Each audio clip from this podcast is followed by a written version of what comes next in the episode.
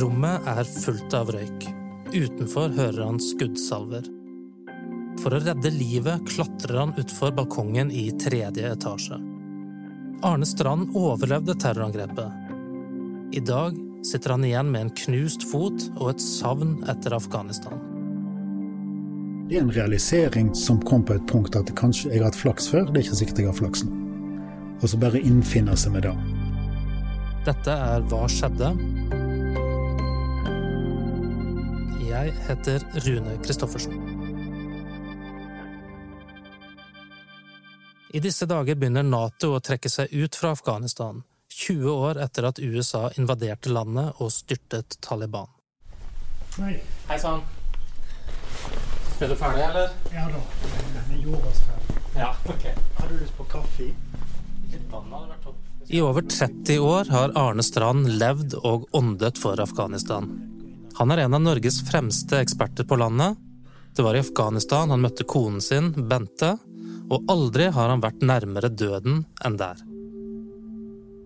Den enorme styrken som vi fort glemmer i, i alt framstilling av konflikt og æresdrap og, og, og det, kan si dans i det, er det med gjestfrihet.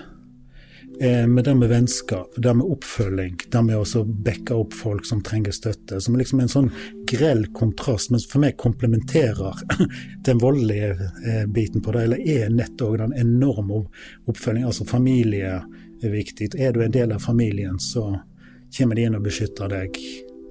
En del av den der stoltheten som ligger der. Altså de, altså de tok britene, de tok uh, russere, Sovjet, og nå er kan si USA i, i ferd med å forlate landet. Altså den uavhengigheten.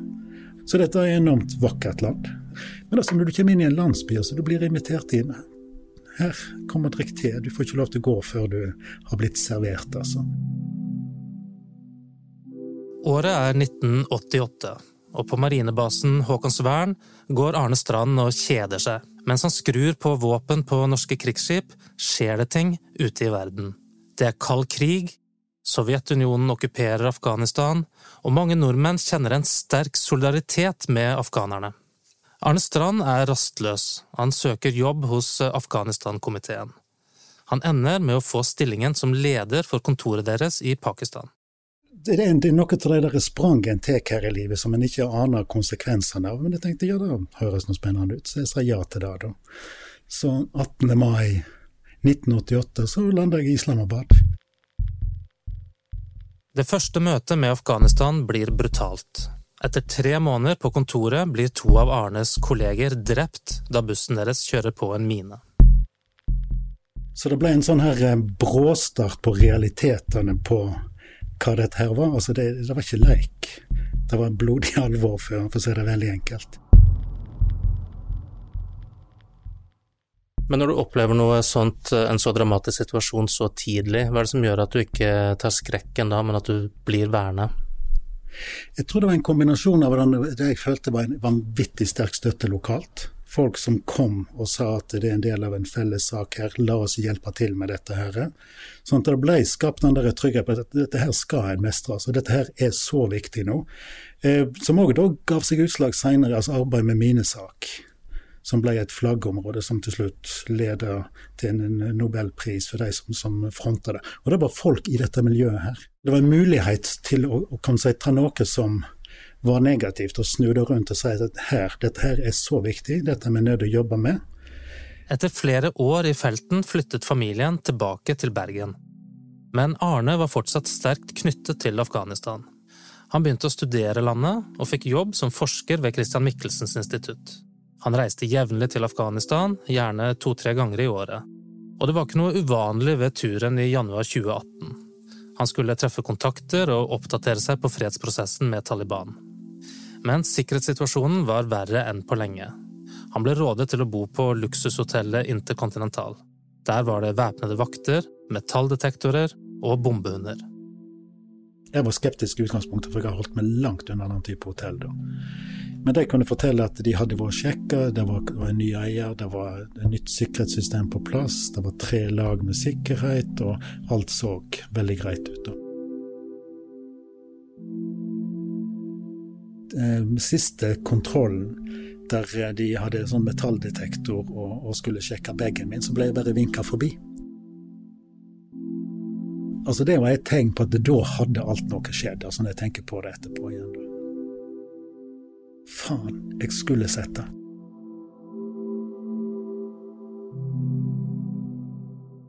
Dagen begynner helt normalt. Arne treffer lokale kontakter, drikker te og diskuterer den politiske situasjonen. Så drar han tilbake til hotellet. Eh, så var det en diskusjon fordi det dukka opp et uh, rykte som ble sirkulert, eller en, en, mulighet for at det ble angrep på et hotell. Så jeg, når jeg fikk det, så ringte jeg til ambassaden, og nei, de visste ikke noe mer. Så diskuterte vi litt fram og tilbake, så ble enige om at jeg skulle, det var ut på kvelden litt. At skulle, jeg skulle komme inn dagen etterpå, og så vurderte vi eventuelt om jeg kunne flytte inn på ambassaden igjen. Da. Og før vi kom så langt, så smalt det. Norske Arne Strand fanga i terrorangrepet mot hotellet i Kabul, men ble brakt i sikkerhet. Norske spesialsoldater deltok i redningsoperasjonen. Jeg kan bekrefte at de har vært uh, ute sammen med spesialpolitiet i, i Kabul for å, å, løse opp i den, den, situasjonen. Det var jo en, en, eh, et ganske komplisert angrep med både bruk av eksplosiver og håndvåpen som uh, var på det hotellet her. Etter at Arne har snakket med ambassaden, går han ned til restauranten for å spise middag. Klokken er litt over åtte om kvelden. Spisesalen er nesten full. Et orkester spiller i hjørnet, og servitørene haster mellom bordene. Satte meg litt bak mens jeg jobba med notatene mine og hadde, bestilt eh, Jeg husker ikke hva jeg bestilte til middag. Altså, men stort sett en full restaurant, masse familier, amerikanske afghanere som satt der igjen. Eh, og stilt og fredelig. Og så begynte det å skyting kan si, igjen, rett utenfor igjen. da. Så er det sånn Hva gjør de lokale? Kokken sprang bak.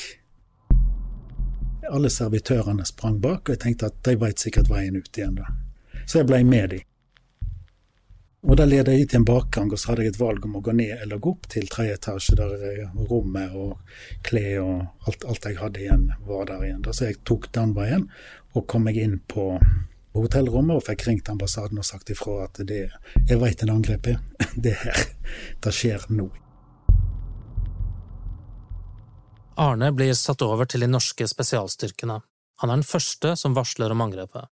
Han gir dem så detaljert informasjon han klarer, og får beskjed om å blokkere døren. I den første fasen så var det mer smell, og du hørte folk som eh, vel sprang litt i korridorer og alt sånt igjen. da. Og så ble det nokså stilt. Og så begynte det og Her veit jeg ikke helt sånn tidsmessig, for her er, det litt sånn der blurred lines på det hele igjen. Da. Men så begynte det å komme røyk. Og så begynte det å bli varmere, og så ringte jeg opp at ambassaden sa at et eller annet har skjedd, men de må ha satt fyr på hotellet her, for nå er det begynt å bli veldig varmt og veldig mye røyk her igjen. Da. Arne er fanget på rommet. I korridorene er det full krig. Utenfor vinduet er det røyk og flammer. Når han tar i balkongdøren, sprekker den av varmen. Arne får råd om å komme seg inn på badet. Så ble det varmere. Jeg har, ikke peiling på hvor varmt det ble, altså. men uh, det var så tett med røyk at jeg så ikke med den mobiltelefonen som jeg hadde 20 cm framfor meg igjen. Jeg tok en håndduk og hadde rundt ansiktet og, uh, prøvde å ha sånn noenlunde sånn mulighet til å puste. Så jeg gjorde to ting. Jeg drakk opp alt det som fantes av vann, for at det var varmere og varmere og, vanskeligere og vanskeligere rett og slett å, å, å være der inne. Og så prøvde jeg desperat å skru av mobilen, for nå hadde det kanskje ryktet godt om at det var angrep. Folk visste jeg var der, så alle prøvde å ringe meg. Det er en realisering som kom på et punkt at kanskje jeg har hatt flaks før, det er ikke sikkert jeg har flaks nå. Og så bare innfinne seg med det. Men det nytter ikke bare å sette seg ned. altså Det, det å ta det grepet, få i deg alt jeg klarte å få i meg av vann som var tilgjengelig der, prøve å få, få luft, og så bare blekker jeg ut. Når Arne våkner, er han intenst tørst. Det er ikke en dråpe vann igjen på badet. Det er midt på natten, og strømmen har gått. Han har vært borte i rundt to timer. Han ringer den norske spesialstyrken og spør hvor de blir av. De hadde prøvd å ringe meg mange ganger, og de trodde at jeg var blitt drept eller hadde omkommet i det hele igjen. Så de ble nok litt overraska på å få en sånn, en sånn oppringing igjen. Men altså i den dialogen med deg, og det jeg ikke visste, da, for da, da var det relativt stilt, var at det var en full stillingskrig på, på hotellet. Altså Angriperne var fremdeles i femte etasje. De var ekstremt dyktige på å holde seg skjult for, for si, de som eventuelt kunne få ha de som blink utenfra igjen. Rådet til meg var bare å ta det med ro, eventuelt prøve å komme meg ut på den terrassen utenfor igjen. da. Jeg har, ikke, ikke sett det bildet i hodet mitt før, jeg må snu, snu meg rundt. Altså. Men eh, altså, da, altså, vinduene var knust i varmen, eller så sprukket i varmen igjen. da. Men det, jeg husker, var altså det lyset fra Kabul som daterer på i høgde, som var nede der igjen. da. Støy eh, av ting som skjedde rundt omkring, men òg altså det friske luftet. De norske soldatene har kjempet mot terroristene i flere timer. Nå står de under Arnes balkong. Soldatene kaster opp et tau sånn at han kan fire seg ned fra tredje etasje. For første gang aner han at han kan slippe fra angrepet med livet i behold. Da prøvde jeg, og det gikk ikke så lenge før jeg falt. Om det var pga. at jeg hadde gjort en dårlig knute, eller om det var Altså, den der rekkverket var så oppsmuldra i varmen og alt sånt. Altså, det vet jeg ikke, men iallfall så falt jeg mellom en eller annen plass sju til ni meter. og men da var det norske rundt meg, plutselig. Snakka norsk. 'Hei, går det med deg?' Og tok meg under armene. altså Du hadde plutselig igjen den trygghetsfølelsen på deg, og det er da adrenalinet slår inn. Foten bar ikke, men andre foten fungerte. Nede på bakken blir Arne lagt rett i en ambulanse. Smertene treffer ham med full tyngde. Han skjønner at han er alvorlig skadet i foten, og at noe er galt med lungene etter flere timer i røyken på badet. Han blir kjørt til et militærsykehus og lagt i koma. Han må opereres i all hast. Han våkner ikke før han er tilbake i Bergen. Da ligger han på Haukeland og er full av morfin. Så får han endelig treffe familien. Jeg tror det var mer tårer enn det var samtale. Jeg tror det var mer glede. Ja, enn en andre ting, da. Det var godt. Så sånn I ettertid så, så, så, blir alt dette her grått. Altså Det er vanskelig å skille ting ifra hverandre. Det er vanskelig å forstå hva som har skjedd. Og du, lærte etterpå at så mange var blitt drept. Altså Hva var rasjonalet? Hvorfor ble ikke jeg, og som utlending, som i grunnen var det de sa at de skulle ta på hotellet? Altså Svaret som jeg fikk etterpå av, av eh, norske militære spesialstyrkene, er at de tok faktisk heisen til femte etasje, disse angriperne tok med seg ammunisjon og sprengstoff og alt sånt, og etablerte seg der. Og så begynte de å knerte femte og fjerde etasje. Og så møtte de motstand, så de kom aldri ned til tredje etasje. Arne sliter med mareritt og sier det var som å manøvrere i en svart boks.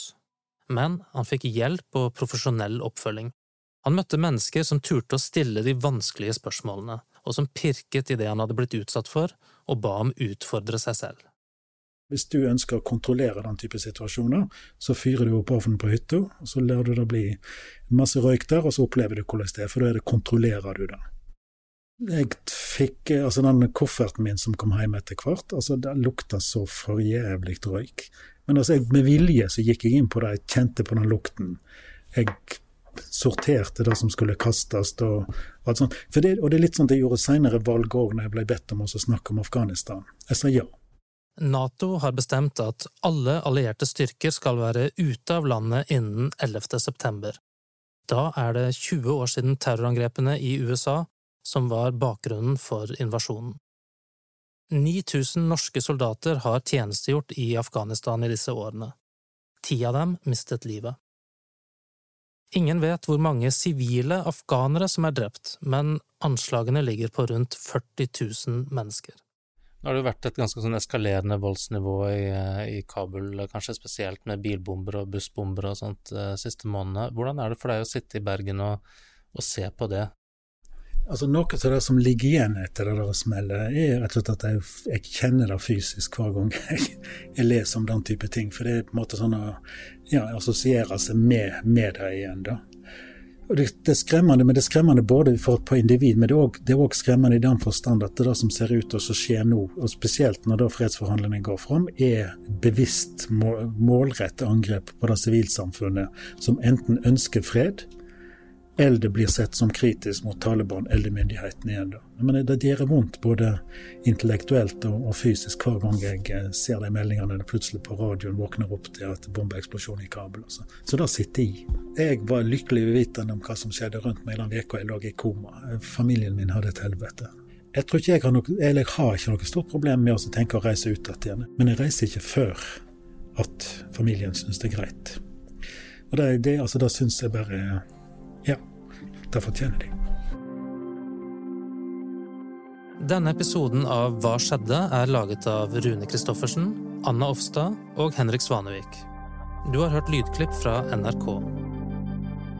Har du spørsmål eller kommentarer? Skriv til oss på hva skjedde? at btno.